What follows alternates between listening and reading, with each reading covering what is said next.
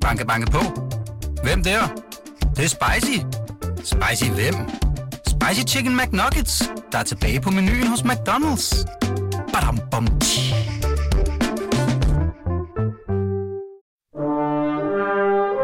Du lytter til Radio 24 24-7 er den originale taleradio. Velkommen til Hitlers Æseløer med Jarl Kortua.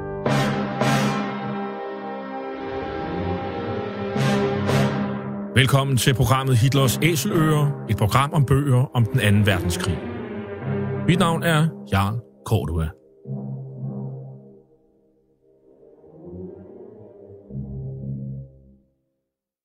Den anden verdenskrig blev indledt den 1. september 1939 med det nazistiske Tysklands overfald på Polen.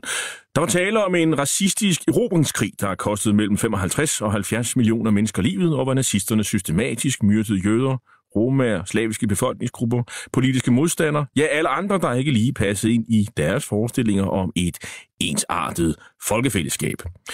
Nazisterne de blev i årene efter krigen dømt ved krigsforbryderdomstolen i Nürnberg, og flere af deres organisationer, såsom nazistpartiet NSDAP, SS og Gestapo, de blev stemplet som ulovlige forbryderorganisationer. I denne serie, som vi har valgt at kalde for Hitlers Æseløer, præsenterer vi nogle af de mange bøger, som i disse år udkommer om den anden verdenskrig. We're facing certain defeat on land, the annihilation of our army, and imminent invasion.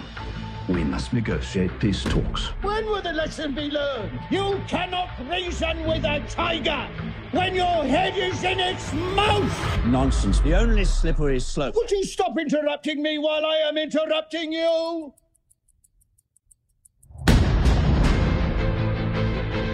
We have before us many, many long months of struggle and suffering. Even though many old and famous states have fallen into the grip of the Nazi rule, we shall defend our island, whatever the cost may be. We shall fight on the beaches. We shall fight on the landing grounds. We shall fight in the fields and in the streets. We shall fight in the hills. We shall never surrender! Ja, det I lytter her til her, det er en øh, lille stump af traileren for filmen Darkest Hour, hvor den britiske skuespiller Gary Oldman portrætterer Winston Churchill, da Storbritannien var presset mest i bund af Hitlers blitzkrig i maj-juni 1940, og hvor nogle politiske kræfter i Storbritannien faktisk overvejede andre muligheder for fred en af kæmpe til den bedre ende, som Churchill gjorde sig til talsmand for. Vi vil derfor i de næste 54 minutter eller så til måske den største skikkelse under 2. verdenskrig, nemlig Storbritanniens leder Winston Churchill, og derfor var det oplagt at invitere dig, Jan Hedegaard. Øh, her i studiet til daglig er du journalist på Berlingske, men du er også Churchill-beundrer og forfatter til med egne ord en lille bog om Churchill med undertitlen Kriger, kunstner, statsmand, der udkom i 2017 på Lindhardt og Ringhoffs forlag. Velkommen. Tak skal du have. For egen regning vil jeg kalde din bog for en øh, ganske god og i positiv forstand overskuelig bog om den britiske statsmand, som vi stadig kan prise os lykkelige over, var opgaven voksen i den mørkeste time for ikke bare Storbritannien, men også for Europa i moderne tid. Allerførst, Jan, du har også tidligere udgivet en bog med Churchill-citater, men er langt fra den første, der har skrevet om Churchill. Jeg kan komme i tanke om i hvert fald en større biografi, skrevet af den tidligere Labour-finansminister og formand for Europakommissionen, Roy Jenkins, der også er udkommet på dansk. Det er jo noget af en mobbedreng, og den øh, nuværende britiske udenrigsminister Boris Johnson har for relativt nylig også udgivet en bog med titlen The Churchill Factor. Hvorfor har du skrevet din egen bog om Churchill? De andre bøger, du nævner, er, er glimrende. De er fantastiske. Især Roy Jenkins. Den er meget omfattende, men jeg mente ikke, det var nødvendigt at have alle finanslovene med. Og, og, meget, og meget af den henvender sig til et øh, britisk publikum, men jeg forsøger at vinkle min mere overskuelige bog på, øh, på dansk øh, til et dansk publikum. Det betyder, at jeg ikke har alle detaljer med. Jeg har det store billede af Churchill med, men også, det, men også de meget uhøjtidlige, den meget uhøjtidlige og humoristiske Churchill, som jeg mener er en stor del af hans øh, person og persona. hans virkemidler. Hvorfor ved bliver han med at fascinere os? Altså det her, nu er han jo så blevet portrætteret igen på film, øh, men det er jo ikke første gang. Han, øh, han er portrætteret rigtig mange gange på både film og tv. Ja. Øh, min yndling er Albert Finney i, øh, i den, der hedder The Gathering Storm, der foregår. Der er Churchill i den der mellemperiode i 30'erne. Øh, han er, jeg synes stadigvæk, han er den bedste Churchill. Øh, Gary Oldman er rigtig god også. Men og han, og han fik jo så også en Oscar for... for han fik for, for, både en Oscar og en Golden Globe og råbte, thank you, Winston Churchill. Helt passende. Men øh, Churchill fascinerer os hele tiden, øh, eller i hvert fald og især i England. Øh, der kommer 10-20 nye bøger om Churchill hvert år. Og det er fra alle vinkler og alle perspektiver, og så meget af det er den samme historie, den, den vi kender. Og det er jo så talerne, det er fasongen, det er cigarerne, det er whisky, det er den høje cigarføring i virkeligheden. Det er jo han jo sådan set eksemplet på i det virkeligheden. hans livsstil, og så også det. Englænderne elsker ham, og jeg tror, de elsker ham, fordi han ikke er fejlfri. Allerførst, altså, vi bliver nødt til at finde ud af, hvem er Churchill, hvor stammer han fra, hvad er hans familiebaggrund, øh, Jan Hedegaard? Churchill er aristokrat, men hans far var øh, tredje søn af den syvende hertug af Marlborough. Han er født på Blenheim. Men, øh, og, så, og når man er tredje søn, så får man ikke en pind. Det er kun første søn, der, der, der går i arv. Og Blenheim-slottet, det ligger i Oxfordshire, som er en, ø, Ja. øst for, øh, nej, det vest for, for London. Det mest pompøse byggeri, som øh, det britiske parlament nogensinde har bevilget bygget til, øh, til Churchills forfar, John Churchill, som øh, vandt i et slag i den spanske arvefølgekrig ved Blenheim i Tyskland. Og det er ham, vi kender fra børnesangen. Malabrock er død i, i, i krigen i 1864. Det var så en helt anden krig, han var med i. Han døde jo og i øvrigt øh, slet ikke. Men øh, Churchill er født den 30. november 1874. Og så, øh, han er jo så, øh, hvad skal man sige, han er jo han er aristokrat, men han har ikke nogen titel. Så hvad, er hans, penge, hvad er hans karrieremulighed? Han kan gøre ligesom andre. Han kan blive præst eller soldat eller, øh, eller, noget, eller politiker. Og så beslutter han sig at blive politiker, men øh, han går først øh, omkring militæret. Og øh, hans, øh, da han er meget stedig i skolen og kun vil det, han selv vil, så øh, får han meget elendige karakterer, men hans øh, eneste chance er at komme ind til et, det, vi kalder et husarregiment øh, i, på Sandhurst. Og så deltager han jo, som er det britiske øh, militærakademi, og så deltager han blandt andet i, i Afrika. Øh, og, øh, Han deltager, ja, i, i både Indien og i, i Afrika, øh, to steder. Det store slag ved Omdurman og i Sydafrika i den anden borgerkrig. Og, og lærer krigen at kende. The Conservative Party believes that the revenue of the country can be better raised by a protective tariff.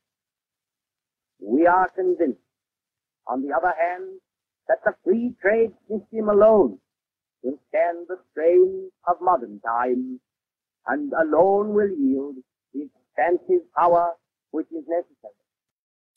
Ja, det er formentlig den tidligste lydoptagelse, der eksisterer med Winston Spencer Churchill øh, fra 1909. Og han er blevet politiker og valgt til det britiske underhus, og er de liberales finansordfører på det her tidspunkt.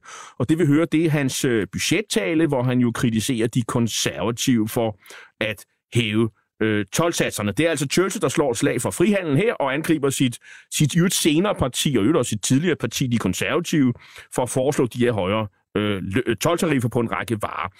Frihandel var til synligheden en mærkesag for ham, Jan Hedegaard.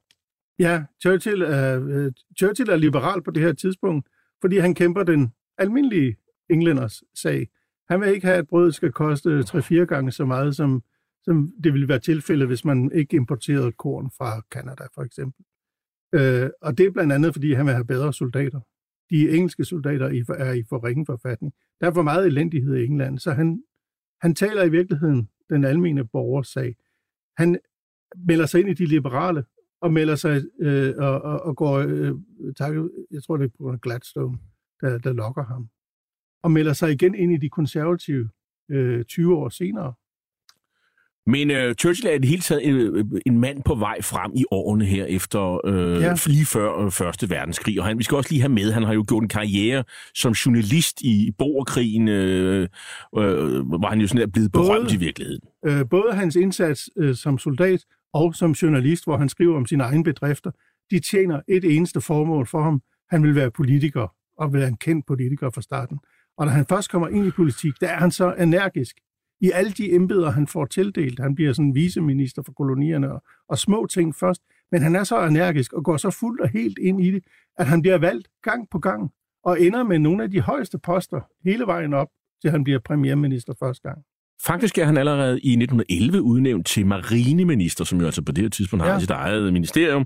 Og, øh, og han er også med til sådan, at satse på de første kampvogne. Han er med til at udvikle et øh, flyvåben, altså marinen. For han tager første... penge fra marinen til det første øh, Royal Air Force, og han, tager, han, han sætter også produktionen af tanks i gang, og han omstiller flåden, det har han faktisk gjort inden Første Verdenskrigs udbrud. Han omstiller flåden fra kulfyrede til oliedrevne øh, skibe. Og det er en kæmpe fordel. Så England er faktisk godt rustet, da Første Verdenskrig kommer. Og han går også i gang med at tage flycertifikatet, men ender med at skvætte ned med en flyvemaskine, og hvor, hvor folk bliver slået ihjel og så videre, og, og så er det konen, der sætter, sætter fod ned øh, for ham. Øh, ja. Det er så et, meget, et eksempel på hans, hans eventyrlyst og hans teknikbegejstring. Kan man ikke sige det? Hans mod også. Han, han, er, han er frygtløs. Han, øh, og, og han, han ser fremad. Han ser fremad. Men det, jeg tror også, at øh, Clemmy redder hans liv ved at sige, nu, det der, det skal du ikke. Nu holder du op. Men i, øh, i 1915, der er øh, Storbritannien kastet øh, ud i Første Verdenskrig, og der går det altså galt for ham. Der lider han nok sit første store politiske nederlag ved Gallipoli, som ligger over øh, som er ved Tyrkiet, ved Dardanellerne, altså indsejlingen til Bosporus-strædet. Hvad er det, der sker, Jan Hedegaard? Hvad, hvorfor er det øh, et stort nederlag for ham? Altså hans hensigt med, øh, øh, med at indtage Gallipoli-halvøen og gå op til at true Istanbul, er at, at, at, at flytte fronten, vestfronten, fordi den er kørt fast i skyttegravskrig, som bare, øh, hvor, hvor tropperne slider hinanden ned på begge sider. Ja, han, han taler om, at man tykker pigtråd i Flandern. Ja, og han laver to planer. Den ene implicerer Danmark, den bliver heldigvis ikke til noget, fordi han mener, at man kan, øh, og så den skal drage Danmark ind i Første Verdenskrig, men øh, den, den bliver ikke til noget. Til gengæld så hans plan 2 er invasionen af Gallipoli-halvøen. Og den er, har man efterrationaliseret. Den var for lille. Altså man sætter en, en efter vores øh, forhold, altså man, man sætter tusindvis af mand ind på øen, men der sker lynhurtigt det samme, som der sker i Nordfrankrig.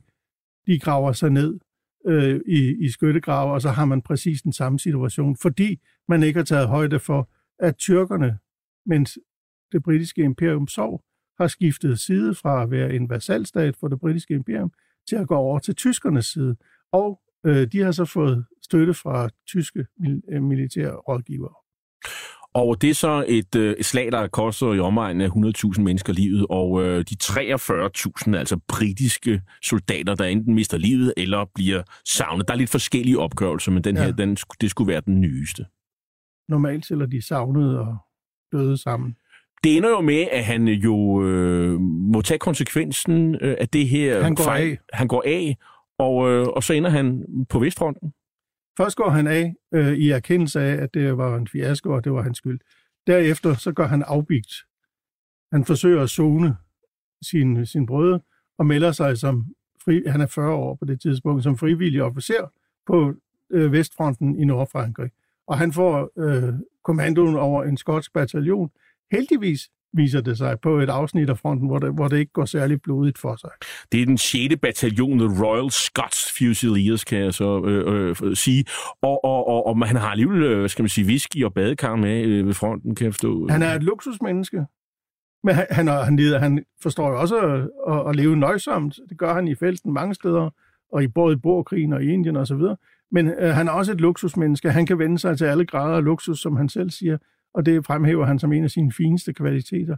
Så, men han har badekar med, han har kasser af whisky med, og han er helt fremme i, ved fronten, fordi det er det eneste sted, man må drikke spiritus. Bag fronten må man kun drikke te med pulvermælk.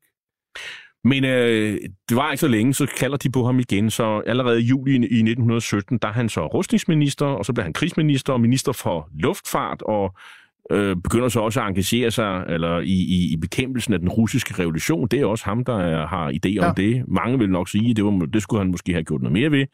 Øhm, så øh, er det også ham, der laver øh, øh, aftalen øh, med, med Irland, hvor, hvor de får irsk øh, home rule, altså hjemmestyre. Øh, han laver en aftale med, med Michael Collins, øh, ham de kalder for The Big Fella, og og det, det er også, han er også engageret i, i, i den i, først bekæmpelsen af irerne. Han, øh, øh, han får faktisk øh, Michael Collins til at gå længere, end Michael Collins havde mandat til hjemme øh, i, i irerne, i den irske republikanske her. Og øh, indirekte betyder det, at Michael Collins bliver myrdet. Og de siger jo, øh, hvis man går, tager til, til Dublin i dag, og så for eksempel er vist rundt øh, af nogle af de der folk, så, så mener de jo simpelthen, at Churchill snød øh, Michael Collins. Altså Churchill var en, en, en snu politiker, der sørgede for, at de seks provinser mod nord blev udskilt, og øh, han snød Michael Collins, som var en politisk amatør. Ja, ja, det er sådan fortællingen. Så øh, han skifter jo parti frem og tilbage, som vi har omkring, og han bryder sig igen med de liberale. Det er vist på et spørgsmål om, om indisk selvstændighed. Øh, øh... Ikke kun, han går tilbage til de konservative 26, fordi han blandt andet øh, er bange for, Labour er kommet ind samtidig med den russiske revolution, og han knytter både Labour og øh, kommunisternes overtagelse i Rusland sammen, og, og ser øh, de konservative som et parti, der kan tage kampen op mod, det, mod øh, socialismen, øh, øh, øh frem for de liberale.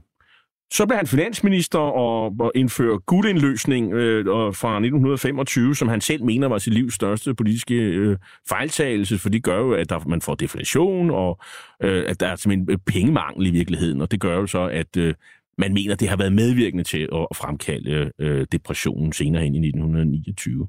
Og verdenskrisen, det var i hvert fald John Maynard Keynes store økonoms synspunkt. Øh. Han er, øh, Keynes advarede ham imod at gøre det, og han gjorde det alligevel. Det, er selvfølgelig, det var selvfølgelig ikke hans egen idé. I modsætning til Gallipoli, der var det at føre guldet, øh, pundet tilbage til guldindløstigheden, det var ikke hans egen idé, men han gjorde det dog, og han, han, stod, til ingen, eller han stod til ansvar for det. Chaplin hånede ham for det, og det havde han. Og Chaplin var hans gode ven, som, han, ja. øh, og, som de, de, de kom meget godt ud af det med hinanden, selvom at øh, Churchill mente, at, øh, at Chaplin var, var bolshevik. Ja, Nå, men 20'erne og 30'erne, vi skal, jo, vi skal jo nå frem til krigen, Jan Hedegaard, og, ja. øh, og det, det er jo så der, øh, som, der er han ligesom ude i kulden, den politiske øh, ørkenvandring, men det er også der, han starter, hvad skal man sige, rejsen mod tænerne i virkeligheden. Øhm, han, er, han er sådan lidt øh, sat på sat udenfor på reservebænken, og hvad foretager han sig så? Han, øh, han, han er blandt andet den højst betalte klummeskriver, politisk kommentator i, øh, i, øh, i Storbritannien på det tidspunkt. Så han sidder og skriver bøger, han sidder og skriver artikler til aviserne, og så lever han sådan et bohemeliv, hvor han givet drikker for meget og ryger for mange cigarer, og, og, og holder øh, selskab med sine venner. Men han, er, han har kørt sig selv ud på et tidspunkt, og han tror selv, han er færdig på det tidspunkt. Og han kalder det for sin, sin lange ørkenvandring.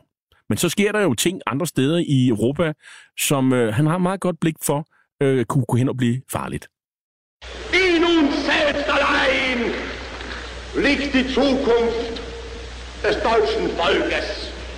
Wenn wir selbst dieses deutsche Volk emporführen durch eigene Arbeit, durch eigenen Fleiß, eigene Entschlossenheit, eigenen Trotz, eigene Beharrlichkeit, dann werden wir wieder emporsteigen, genau wie die Väter einst auch Deutschland nicht geschenkt erhielten, sondern selbst sich schaffen mussten.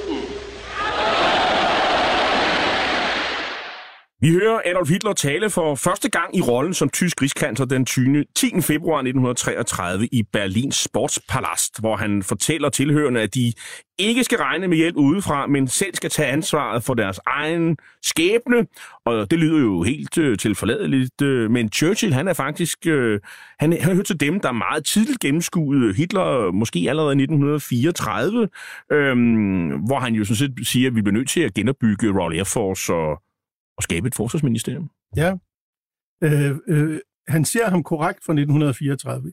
I 33 der er han mere forsonlig, fordi han kan ikke se, øh, han siger, at måske kan det blive meget godt med Hitler, hvis de, når de kommer over den her brutale øh, indledningsfase, øh, som han dog havde blik for, eller havde set. Øh, øh, men han, så får han øje på ham, og han, får, øh, og han, han begynder at indhente oplysninger. Men han er op imod en konservativ regering, øh, som øh, ikke, øh, ikke er interesseret i noget, fordi der er meget udbredt pacifisme i øh, England på det her tidspunkt. England har lidt et enormt blodtab i Første Verdenskrig, og man er slet ikke klar til en ny krig, og man har overhovedet ikke lyst til at slås. Men Churchill ser, øh, ser jo det som en nødvendighed, og siger, at det er nødvendigt, at vi opruster, det er nødvendigt, at vi gør os klar til en ny eventuel stor krig, som han ser Hitler styre direkte imod. Og han noterer, at nu er den, øh, den, de tyske luftvåben større end det franske. Nu er det, nu er det større end det franske og det britiske til sammen, og så videre. Han, han går op hele tiden. Han har, han har pålidelige efterretninger fra regeringens egen folk. Han forsøger faktisk også at møde Hitler tidligt i 30'erne, men Hitler er ikke interesseret i at møde sådan en fuldstændig sådan ligegyldig ja. politiker. Øh, det, det kunne så være, at det måske havde ændret noget.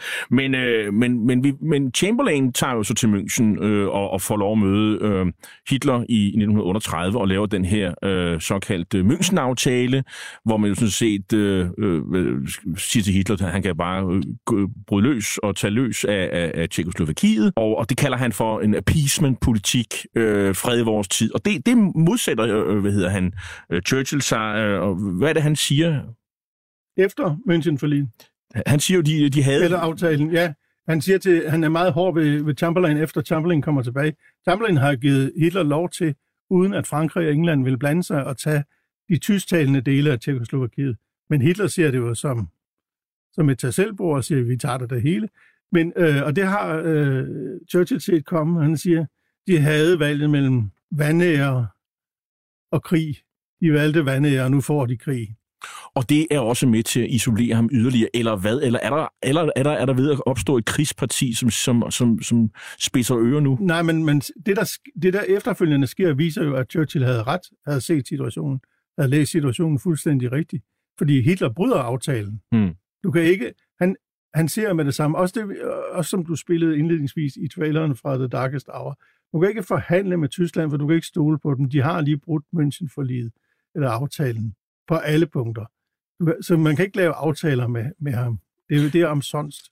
3. september 1939, der er Storbritannien så i krig, fordi der har øh, Tyskland angrebet øh, Polen, og så spiller man ikke længere efter øh, Hitlers regler mere. Og Churchill han bliver så igen udnævnt til marineminister. Ja, hvorfor gør man det? Er det fordi, man, det har han en stor erfaring med tidligere, eller hvad? Eller skal man ligesom prøve på at få ham med i folden? Eller hvad? Han er, han, ja, øh, altså de, de konservative ved godt i 30'erne, at de har en bisk bulldog i, i snor i, i Churchill. De præsenterer ham ovenikøbet, de tager ham med til en middag, hvor den, øh, den daværende ty, tyske ambassadør i London deltager. Det er von Ribbentrop og de, de tager simpelthen Churchill med til middagen for at vise Ribbentrop. Vi har også en, der kan bide. Øh, øh, og øh, det er for at få ham igen. Han er også den her, han har jo tidligere vist, at han er den her meget energiske. Når han først bliver sat på en ministerpost, så er han super energisk og går øh, øh 100% ind i, i kampen. Og samme øjeblik, han har fået, han er blevet minister og marineminister, så er han jo allerede i gang med at tale i underhuset, og han, øh, der udlægger han jo sådan set øh, strategien. Målet er at befri denne verden for den nazistiske tyrannis pestilens. Så øh, han er i arbejdstøjet fra første fløjt. Men øh, 10. maj 1940, der træder Neville Chamberlain tilbage som øh, premierminister. Hvorfor gør han det? Chamberlain har ikke længere nogen legitimitet i befolkningen, og det, det, det kan man se. Altså, han har jo tabt stort. Han har satset stort med München-aftalen og tabt eklatant, og han har ingen opbakning. Og derfor er man nødt til at finde et alternativ, og det, det, det må være enten Halifax eller Churchill. Halifax har til gengæld ikke nogen populær øh, stemme, for han er medlem af overhuset, han er sådan en rigtig lord. Churchill er mere folkelig, og det er også fra Labour og det er, det er støtten fra Labour og den almindelige englænder, hvis man kan sige det, øh, at Churchill henter sin støtte, så de, de er nærmest nødt til at tage ham. Fordi der er faktisk også andre skeptiske. Kongen, øh, Georg den 6. er det skeptisk. Øh... Kongen vil slet ikke have men han er en krigsromantiker og eventyr, og han så slet ikke sætte øh, ham i spidsen for det britiske imperium. Og der er også nogen, der mener, at hvis der faktisk havde været en afstemning om, øh, Churchill skulle være premierminister, så havde han formentlig tabt den i underhuset øh, på det her tidspunkt. Ja, Han, han, han griber magten lige så meget selv. I would say to the House, as I said to those who have joined the government, I have nothing to offer but blood, toil, tears, and sweat. We have before us an ordeal of the most grievous kind.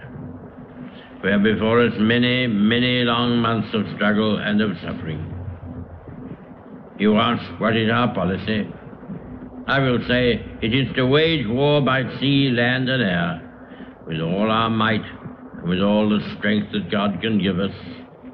To wage war against a monstrous tyranny never surpassed in the dark and lamentable catalogue of human crime. That is our policy. You ask, what is our aim? I can answer in one word victory. Victory at all costs. Victory in spite of all terror. Victory, however long and hard the road may be. For without victory, there is no survival. Ja, det er Blood, Toil, Tear and Sweat-talen fra 13. maj 1940. Altså, det er den første af de der tre store slaget om Frankrig-taler, kunne man kalde den. Og Churchill, han, han siger, målet, jamen det er sejr med alle midler. Det er strategien. Det er det, man, det, er det, det handler om. Det handler simpelthen om at få et nyt skifte i i, i Tyskland, øh, koste hvad det vil.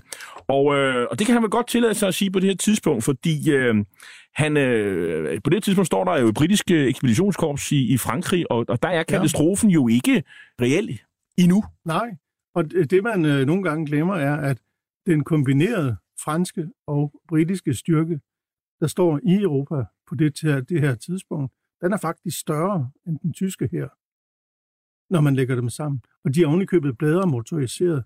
Det bliver sådan en kæmpe fordel, hvor de skal have dem trukket tilbage til kysten lidt senere. Men øh, de, er, de er på alle måder, de er på nogen måde den tyske her overlegen. Men hvorfor er den her tale så, så vigtig? Hvilken betydning får den, Jan Hedegaard? Han taler, øh, der sker det her i starten af krigen, hvor han jo øh, samtidig med, at han i, i kulissen sætter fuld knald på oprustning og på udvikling af alt muligt, alt hvad de mangler så er han nødt, så er han nødt til at tale situationen op.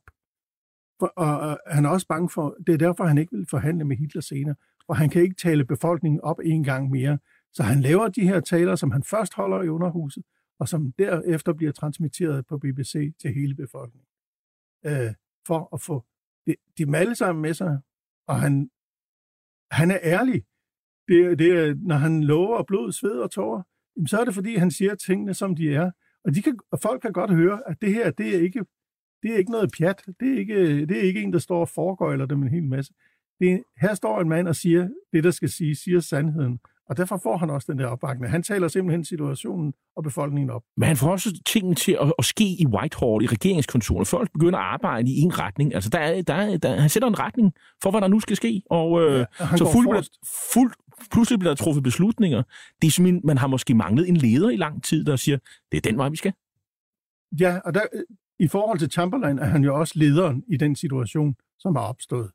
Chamberlain var jo ikke leder, men det skal, jeg vil sige til Chamberlains undskyldning, at øh, Chamberlain ender jo også med at støtte Churchill. Øh, han er syg af kræft. Han dør senere på året, i november, dør han af kræft, Chamberlain. Så det er en syg mand, man havde. Sondern ich wollte zur Wolga kommen. An einer bestimmten Stelle. An einer bestimmten Stadt. Zufälligerweise trägt sie den Namen von Stalin selber, aber denken Sie nur nicht, dass ich deswegen... Du lytter til Hitlers Æseløer på Radio 24 Et program om bøger om 2. verdenskrig med Jarl Korva. Und wissen Sie, wir sind bescheiden. Wir haben ihn nämlich. Es sind nur ein paar ganz kleine Plätzchen noch da.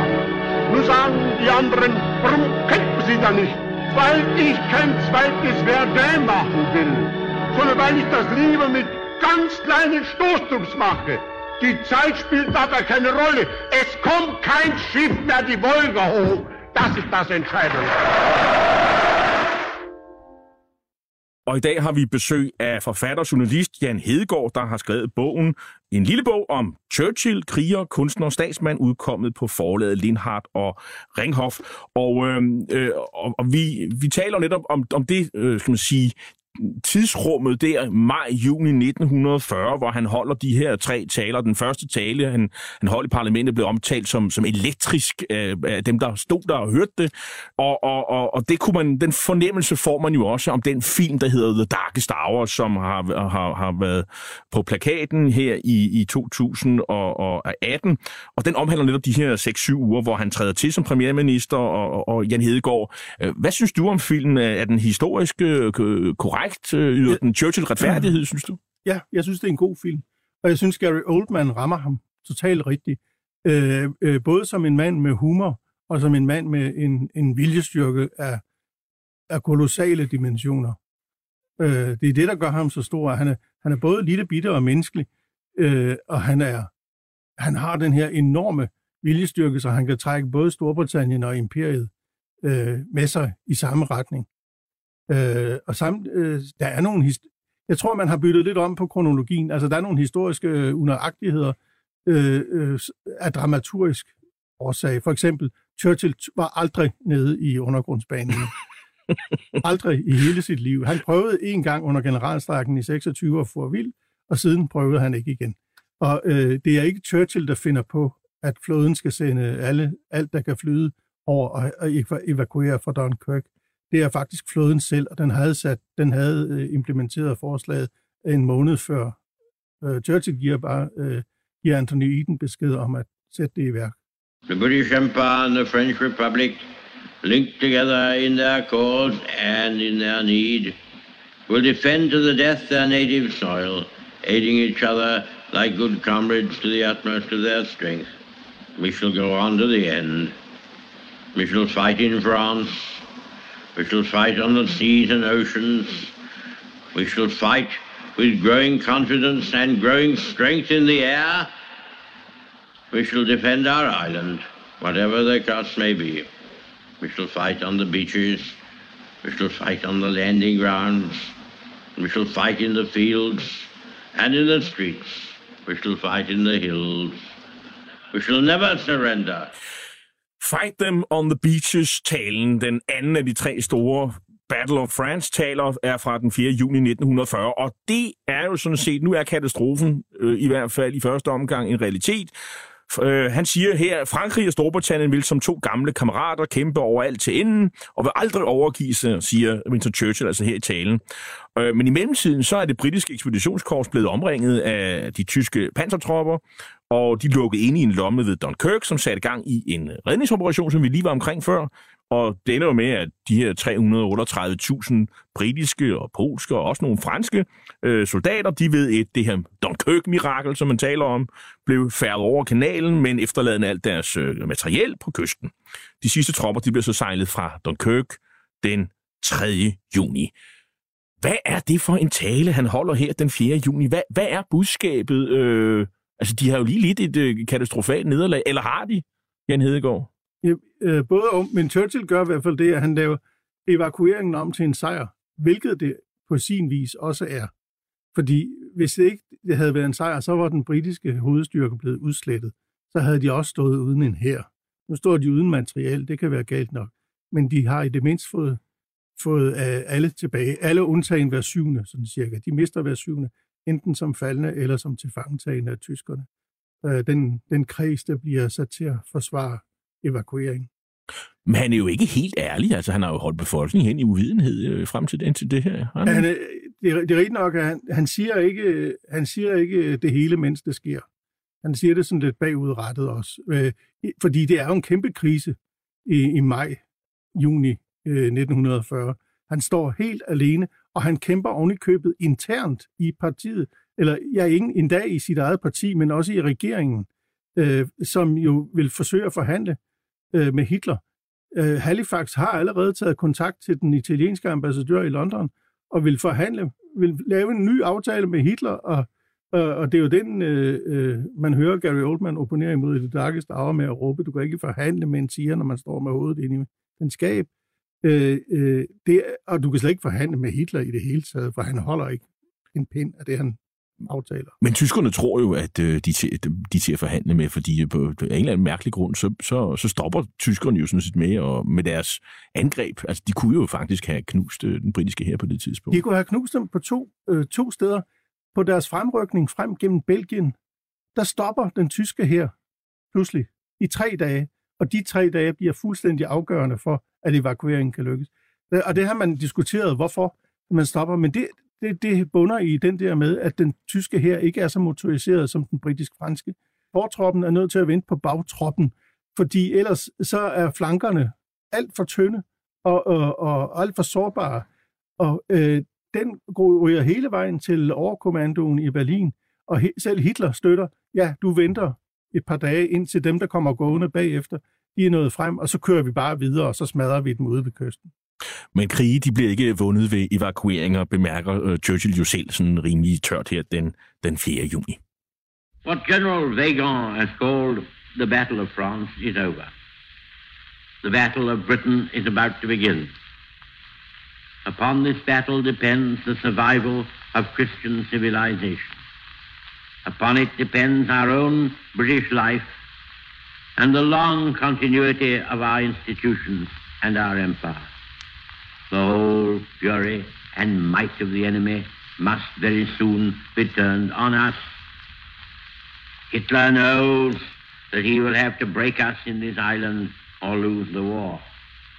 If we can stand up to him, all Europe may be freed, and the life of the world may move forward into broad, sunlit uplands. But if we fail, then the whole world including the United States, including all that we have known and cared for, will sink into the abyss of a new dark age, made more sinister and perhaps more protracted by the lights of perverted science. Let us therefore brace ourselves to our duty, so bear ourselves that if the British Empire and its commonwealth last for a thousand years, men will still say, this was their finest hour. Det var deres fineste stund. This is their finest hour. Det er altså den tredje af de der tre Battle of France taler måske, synes jeg, måske den bedste, øh, fra 18. juni 1940, og sådan den bliver holdt i, i, i underhuset. Frankrig er reelt faldet, siger han, øhm, og nu begynder slaget om England. Det ser sort ud, men hvis vi vinder, så vil de sige om tusind år, at det, mens vi holdt Hitler stangen, da var det den mest storslåede stund. Nogenlunde kunne man jo oversætte det i den her radiotale. Det er jo endnu en pep-talk i rækken af pep-talk. Men nu er Storbritannien der for alvor på hælene, men øh, det anfægter ikke rigtig Winston Churchill, Jan Hedegaard. Det anfægter ham i høj grad, tror jeg men han lader sig ikke mærke med det. Og øh, han bliver også hjulpet af, det ved han ikke endnu, at Hitler i virkeligheden ikke kan vente med at komme i krig med Rusland. Så øh, indtil, indtil videre, han, skal holde dem, han ved, at han skal holde dem stangen, og han ved, at de står alene øh, på det her tidspunkt. Det her, det er hans darkest hour, men også hans finest hour. Og han siger selv senere, intet slår 1940. Så han har kun, på det her tidspunkt, har han kun sine taler. Han har kun sin oratoriske begævelse til at, at og taler både sig selv, men også hele den britiske befolkning og de allierede i resten af Europa op. På det her tidspunkt, der er der allerede en gruppe drenge i Aalborg, der kalder sig selv Churchill-klubben, fordi Churchill personificerer hele modstanden mod Hitler, den modstand, der overhovedet er i Europa mod Hitler. Er det derfor, at du også selv er så begejstret for ham, fordi retorikken er våbnet? Altså det, det, det han, altså det, han ja. betaler, kan mobilisere han, modstanden? Han bruger humoren både som et våben, men også til at afvæbne. Og så bruger han en patos, som han henter lige dele fra det gamle testamente og fra øh, øh, den gamle bog om det, det romerske imperiums storhed og fald. Øh, han bruger den der helt basale patos, og den virker jo. Altså, der er stadigvæk britter, der græder. Der er formentlig den sags skyld også min, min farfar ville også sidde og græde, hvis han hørte det her igen. Det er faktisk også øh, første gang, at nogen øh, sådan formulerer offentligt sætningen Battle of Britain, slaget om England. Og den begynder, som man siger det, omkring den 10. juli. Churchill skaber mange ord i sine taler. og nye begreber. Han, øh, han, det er også ham, der gør navnet på den norske nazistleder til et begreb i almindelighed for en forræder. Quisling. En quisling er en forræder. Slaget om England begynder reelt den 10. juli og varer frem til 31. oktober. Det er også det omkring det her begreb The Blitz øh, øh begynder, altså det, hvor man begynder, og, og tyskerne begynder, begynder at bombe øh, London. Hvad, hvad, hvad, hvad dækker det over? Øh, og hvad er det for en periode, vi taler om? Blitzen dækker over den del af slaget om England, som, går, øh, som, går, som er bombardementerne af London og, og, og de britiske byer. Hvilket i virkeligheden redder Royal Air Force er på hælene, fordi i, i begyndelsen der går det tyske luftvåben efter Royal Air Force baser, landingsbaner, startbaner, alle steder, hvor de har fly i hangar osv. osv. Og de er virkelig ved at have den. Og lige pludselig så skifter de strategi og siger, nu bomber vi sgu London i stedet for. Og det giver, det giver luftvåbnet en, en, en pause til at, at, at samle sig og komme på benene igen og få nye piloter i flyene. Men det går selvfølgelig hårdt ud over London, og det går hårdt ud over civilbefolkningen i Coventry og andre steder. Men det giver dem muligheden for at holde øh, det tyske luftvåben stangende. Den, den fortsætter indtil øh, efteråret 41, tror jeg. Øh, hele øh, slaget om England, perioden eller blitzkrigen. The gratitude of every home in our island, in our empire, and indeed throughout the world, except in the abodes of the guilty, goes out to the British airmen who, undaunted by odds, unwearied in their constant challenge and mortal danger, are turning the tide of the world war by their prowess and by their devotion. Never in the field of human conflict was so much owed by so many to so few. Ja, det er jo så øh, Churchill, der jo sådan et eller andet sted parafraserer Shakespeare. Never in the field of human conflict was so much owed by so many to so few. 20. august 1940. Hvad er det for en tale, Jan Hedegaard? Øh, det, der, der inddrager han jo Shakespeares øh, Henrik den 5., hvor Henrik den 15. tale til sine mænd på St. Crispin's Day øh, før et stort slag i Frankrig. We few, we happy few, we band of brothers. Og øh, det, det er jo blevet øh, krigsretorik, der også knytter sig til 2. verdenskrig, i kraft af Churchill. Han inddrager, som jeg sagde før, det gamle testament og Shakespeare osv., og, og han taler med den der pathos, og det virker. Og det han jo gør, det han hylder de piloter, the few, øh, hvor, hvor, hvor mange jo der er polakker, øh, og, som, og de kæmper altså på det her tidspunkt om øh, luftherredømmet over, over England. Øh, han er jo, det er jo så meget flom vundet, vi har lige omkring hans taler, og det er så det her er så et, et, endnu et eksempel øh, på det. Og Band of Brothers, der er jo en amerikansk tv-serie, der hedder Band of Brothers, ja. og det har jo også noget med, med det her at gøre. Det kan næsten ikke være andet. Churchill og hans forhold til generalerne, altså, det skulle vi lige komme omkring. Altså, han har jo mange idéer. Øh, han vil meget gerne vise initiativ. Han vil meget gerne være med i forreste frontlinje. Altså, under det her slag om England, der sidder han jo, kravler han jo gerne op på taget og, og sidder og kigger på slaget om England. Ja, han vil ikke sidde i kælderen under i beskyttelsesrum. Han vil se, hvad der foregår, så han sidder på taget det meste af tiden, eller meget af tiden. Men øh, der er, han har en masse generaler, som prøver på at holde ham nede. Hvad, hvad, hvad, er egentlig problemet? Hvad er dynamikken her mellem øh, Churchill og hans generaler, Jan Hedegaard? Churchill er, når det kommer til stykket. Han, han har gjort sig selv til den mægtigste og mest magtfulde øh, premierminister, fordi han også har taget øh, forsvarsministerposten til sig selv. Han kunne simpelthen ikke komme i tanke om nogen, der var bedre. Og, og, på, det, og det, på den måde er han blevet den mest magtfulde premierminister. Men han er politiker, i modsætning til øh, den, den britiske overkommando, der, der skulle være, der er den øverste militær, øh, blandt andet Lord Allenbrook, øh, der har, som han selv har udpeget, men de har et modsætningsforhold under hele krigen. Og er chef for generalstaben. Ja, jo, som han skælder ud og taler til, som om de var uartige køder, der har slæbt skidt ind. Øh, og det kan Allenbrook heller ikke have. Og så kommer han med 20 idéer om dagen, hvor er måske en er anvendelig. Så det bruger de også en masse tid på at sidde og sortere i. Øh, og, og nogle af dem er, er rene katastrofer, rent militær. Han blander sig i noget, som han måske ikke burde blande sig i. Men igen, det er en del af hele billedet af Churchill. Han kan ikke lade være. Og han har idéer. Han arbejder i døgndrift. Han sover, han sover lidt en gang imellem og drikker en hel del osv. Øh, men han, øh, han kører på i døgndrift, og han får idéer hele tiden. Alan Brook, han skriver også nogle, nogle dagbøger, som jo også kan anbefale lytterne at, at læse, øh, og de er jo også udkommet på, på dansk. Og der, der, der, der piller han ham øh, Churchill jo meget ned i, i virkeligheden og siger, at det, det, han brugte enormt meget tid på at, at, at ligesom kortslutte Churchills tåbelige idéer. Blandt andet vil han jo gerne starte øh, en front på Vestfronten meget tidligere, altså i Normandiet før, eller hvor det nu kunne ske. Han vil, åbne, gerne åbne fronter stort set hele tiden, uden at der er, man har mændene og materialet til det. Churchill vil i virkeligheden gerne flytte 2. verdenskrig ned i Middelhavet. Han er lidt bange for den der front i Nordfrankrig. Det er nu mere, det tror jeg, Stalin og amerikanerne, der vil, den, øh, Stalin vil gerne have en front i Nordfrankrig for at tage trykket af Østfronten, og amerikanerne mener, at den mere direkte vej til Berlin, den går gennem Nordfrankrig eller Nordeuropa i det hele taget.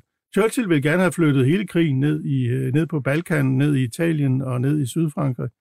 Øh, og det, det er en fix idé, han har, tror jeg.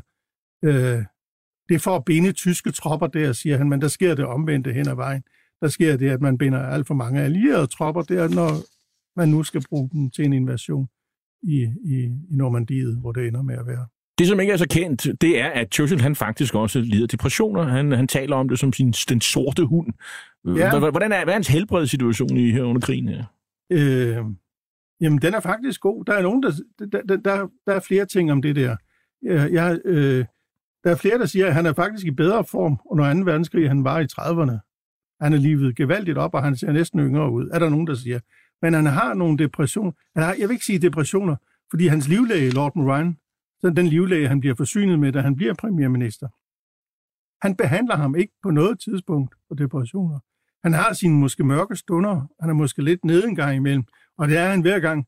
Det går, han er, Churchill er et følelsesmenneske. Også. Det går ham på, når, når det går tilbage. Og det går ham på, når, når de, han taber en masse mænd. Det går ham personligt på. Og der, derfor kan han godt have sine mørke stunder. Jeg vil ikke kalde det depression, og han bliver heller aldrig behandlet for en depression. Men man, man siger, at han medicinerer sig selv med cigarer og champagne og whisky og cognac. Gør han det? Ja, det gør han helt klart. Men jeg, jeg, jeg, jeg er blevet mere og mere loren ved den diagnose med, at han skulle have en depression. Han motionerer ikke, øh, siger han kun, når han skal gå til begravelser og bære kisten til alle de der med hans kammerater og venner, der har motioneret igennem et helt langt liv. Så det ja. sådan koketterer han det, det med.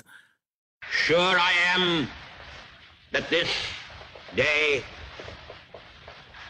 now we are the masters of our fate. That the task which has been set us is not above our strength. That its pangs and toils are not beyond our endurance as long as we have faith in our cause and uh, an unconquerable willpower, salvation will not be denied us. Det her er Masters of Fate, øh, en, en, en tale, han holder øh, i US Congress, af den amerikanske kongres den 26. december 1941.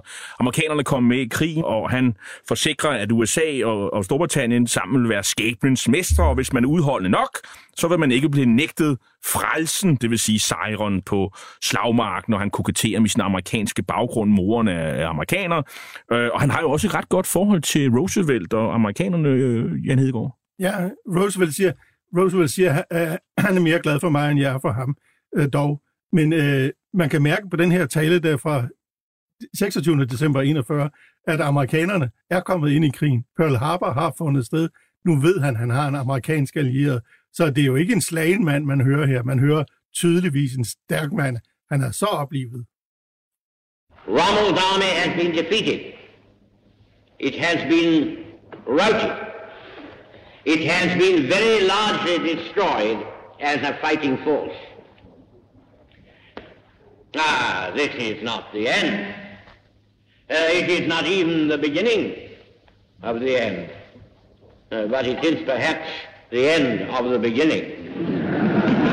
Det er Churchill i november 1942, der taler om, om sejren øh, ved El Alamein, hvor, hvor Rommel, eller rettere hans styrker, er blevet øh, besejret. Det er, det er jo gode nyheder, siger Winston Churchill, men der er lang vej hjem, Jan Hedegaard. Der er lang vej hjem, men fra 1942 begynder det at gå tilbage for den tyske krigsmagt på næsten stort set alle fronter. og de starter med, at de får dem med at få ud af Afrika. Hvor opholder Winston Churchill sig egentlig under krigen? Det for det meste af tiden. I, I første del af krigen er han i England. I næste del er han inde i anden etape. Der holder han, der rejser han meget, og han holder sammen på den alliance, som han ved, han skal, han kan ikke, han ved, Storbritannien kan ikke slå Hitler alene. Så han får først amerikanerne med, og så er han jo så skide heldig, at tyskerne også angriber Stalin, og så får han ham med også til at øh, slå Hitler, og sender, kan forstærke Stalin af bagdøren nord om, om Norge. Og så opholder han sig jo i, øh, i, i War Room øh, Cabinets øh, i, i Whitehall i London. Ja, hvor, som man kan se den dag i dag. Og, øh, men, men, han, men han vil jo meget gerne ud og, og, og, og være med ved stranden øh, den 4. juni 1944. Der er, han, der, der er han jo på vej afsted også, mm. og vil være med i første bøl. Ah, første bøl, men han vil være, gerne være med meget hurtigt. Han var, han var bange for det dagen, øh, øh, fordi han frygtede, at der ville ske det samme som under, under, under, for, under Første Verdenskrig, at man ville grave sig ned i skyttegraver. Det skete så heldigvis ikke. Men øh, da, de, da de nu insisterede, at der ikke var nogen vej udenom, så ville han selv være med. han, var, han brandede jo også sig selv, og han ville, han ville simpelthen zone også øh, øh, evakueringen ved Dunkirk, og han vil nærmest løbe i land med flaget som en af de første. Yesterday morning at 2.41 a.m. at General Eisenhower's headquarters, General Jodl, the representative of the German High Command, and of Grand Admiral Dönitz, the designated head of the German state, signed the act of unconditional surrender of all German land, sea and air forces. Ja, det er Churchill, der taler på VE-dagen 8. maj 1945. Øh, det skulle egentlig have været den 9. maj. Øhm, sejren i Europa er opnået, men krigen mod Japan fortsætter for at sikre friheden sag, lyder det for Churchill. Og han siger blandt andet til det britiske folk, det er jeres sejr. Hvad mener han med det, Jan Hedegaard? Han mener, at det er det, han har budt dem den krig, og de har stået op om ham. Han takker dem og siger, at det her det er jeres sejr. Folket svarer ham også, nej, det er deres. Men alligevel så stemmer de ham jo ud, fordi der, der, er, jo, der er jo parlamentsvalg i, i 45, og, og der bliver Labour jo, de får jo så magten, og, og Clement Attlee, deres leder, skal være premierminister. Hvordan tager Churchill det? Han er ked af det, men han siger også samtidig, jeg kan godt forstå dem. Vi, vi, har, vi har budt dem krig, og vi har budt dem meget under de her år. Så det, det er også mere eller mindre retfærdigt, og det er det, vi kæmpede for, at der er fri valg igen. Men han fortsætter, og han kommer tilbage til magten i 1951, hvor han bliver premierminister, og, øh, og så øh, bliver han jo også adlet til sidst. Øh, han modsætter sig det jo lang tid. Hvorfor, hvorfor vil han ikke adles? Fordi han befinder sig bedst i underhuset, og han synes, det er i underhuset, han hører til. Øh, og der er jo også andre, der ikke vil have, at han bliver adlet, fordi så arver hans søn jo titlen. Han dør den øh, 24. Januar 1965, 90 år gammel, og, og han får jo en statsmandsbegravelse. Hvad kan man sige om den, Jan Hedegaard? Det var en øh, verdens til største statsbegravelse. Kong Frederik deltog fra Danmark, og sa- næsten samtlige lande i verden havde sendt øh, repræsentanter på højt niveau. Churchill havde kun et ønske til sin begravelse. Han ville gerne have mange militærorkester, og han fik ni. Og i 1950, der er han faktisk en øh, smuttur i Danmark og får elefantorden, øh, og øh, øh blandt andet og Sonningprisen og, og, og meget andet. Tak til dig, Jan Hedegaard. Du er øh, journalist og forfatter til en lille bog om Churchill, kriger, kunstner og statsmand, der er udkommet på Lindhardt og Ringhoffs forlag. Hitlers æsler er slut for i dag. I teknikken sad Jens Marot, og jeg hedder Jarl Kordua og er vært og tilrettelægger programmet. Du kan genhøre dette program og de andre programmer i serien som podcast via radio247.dk. Her til sidst skal vi høre en optagelse fra Winston Churchills statsbegravelse 30. januar 1965, hvor kisten indsvøbt i Union Jack trækkes på en vogn ført af marinesoldater ned gennem Whitehall til St. Paul's Cathedral, hvor han senere bliver bisat. Tak for i dag.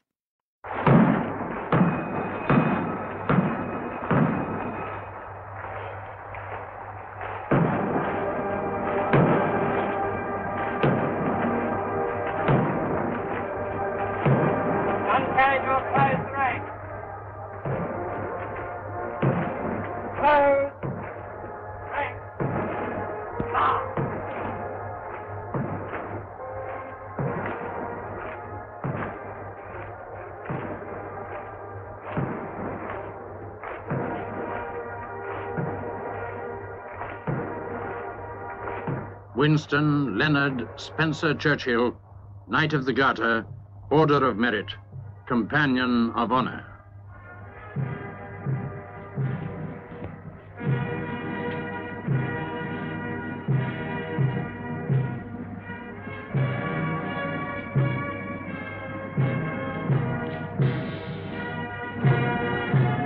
Following the gun carriage, his family and close friends.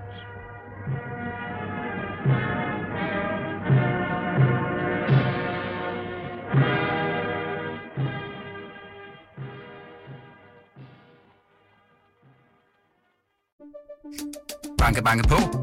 Hvem der? Det, det er spicy. Spicy hvem? Spicy Chicken McNuggets, der er tilbage på menuen hos McDonald's. Badum, bom, tji.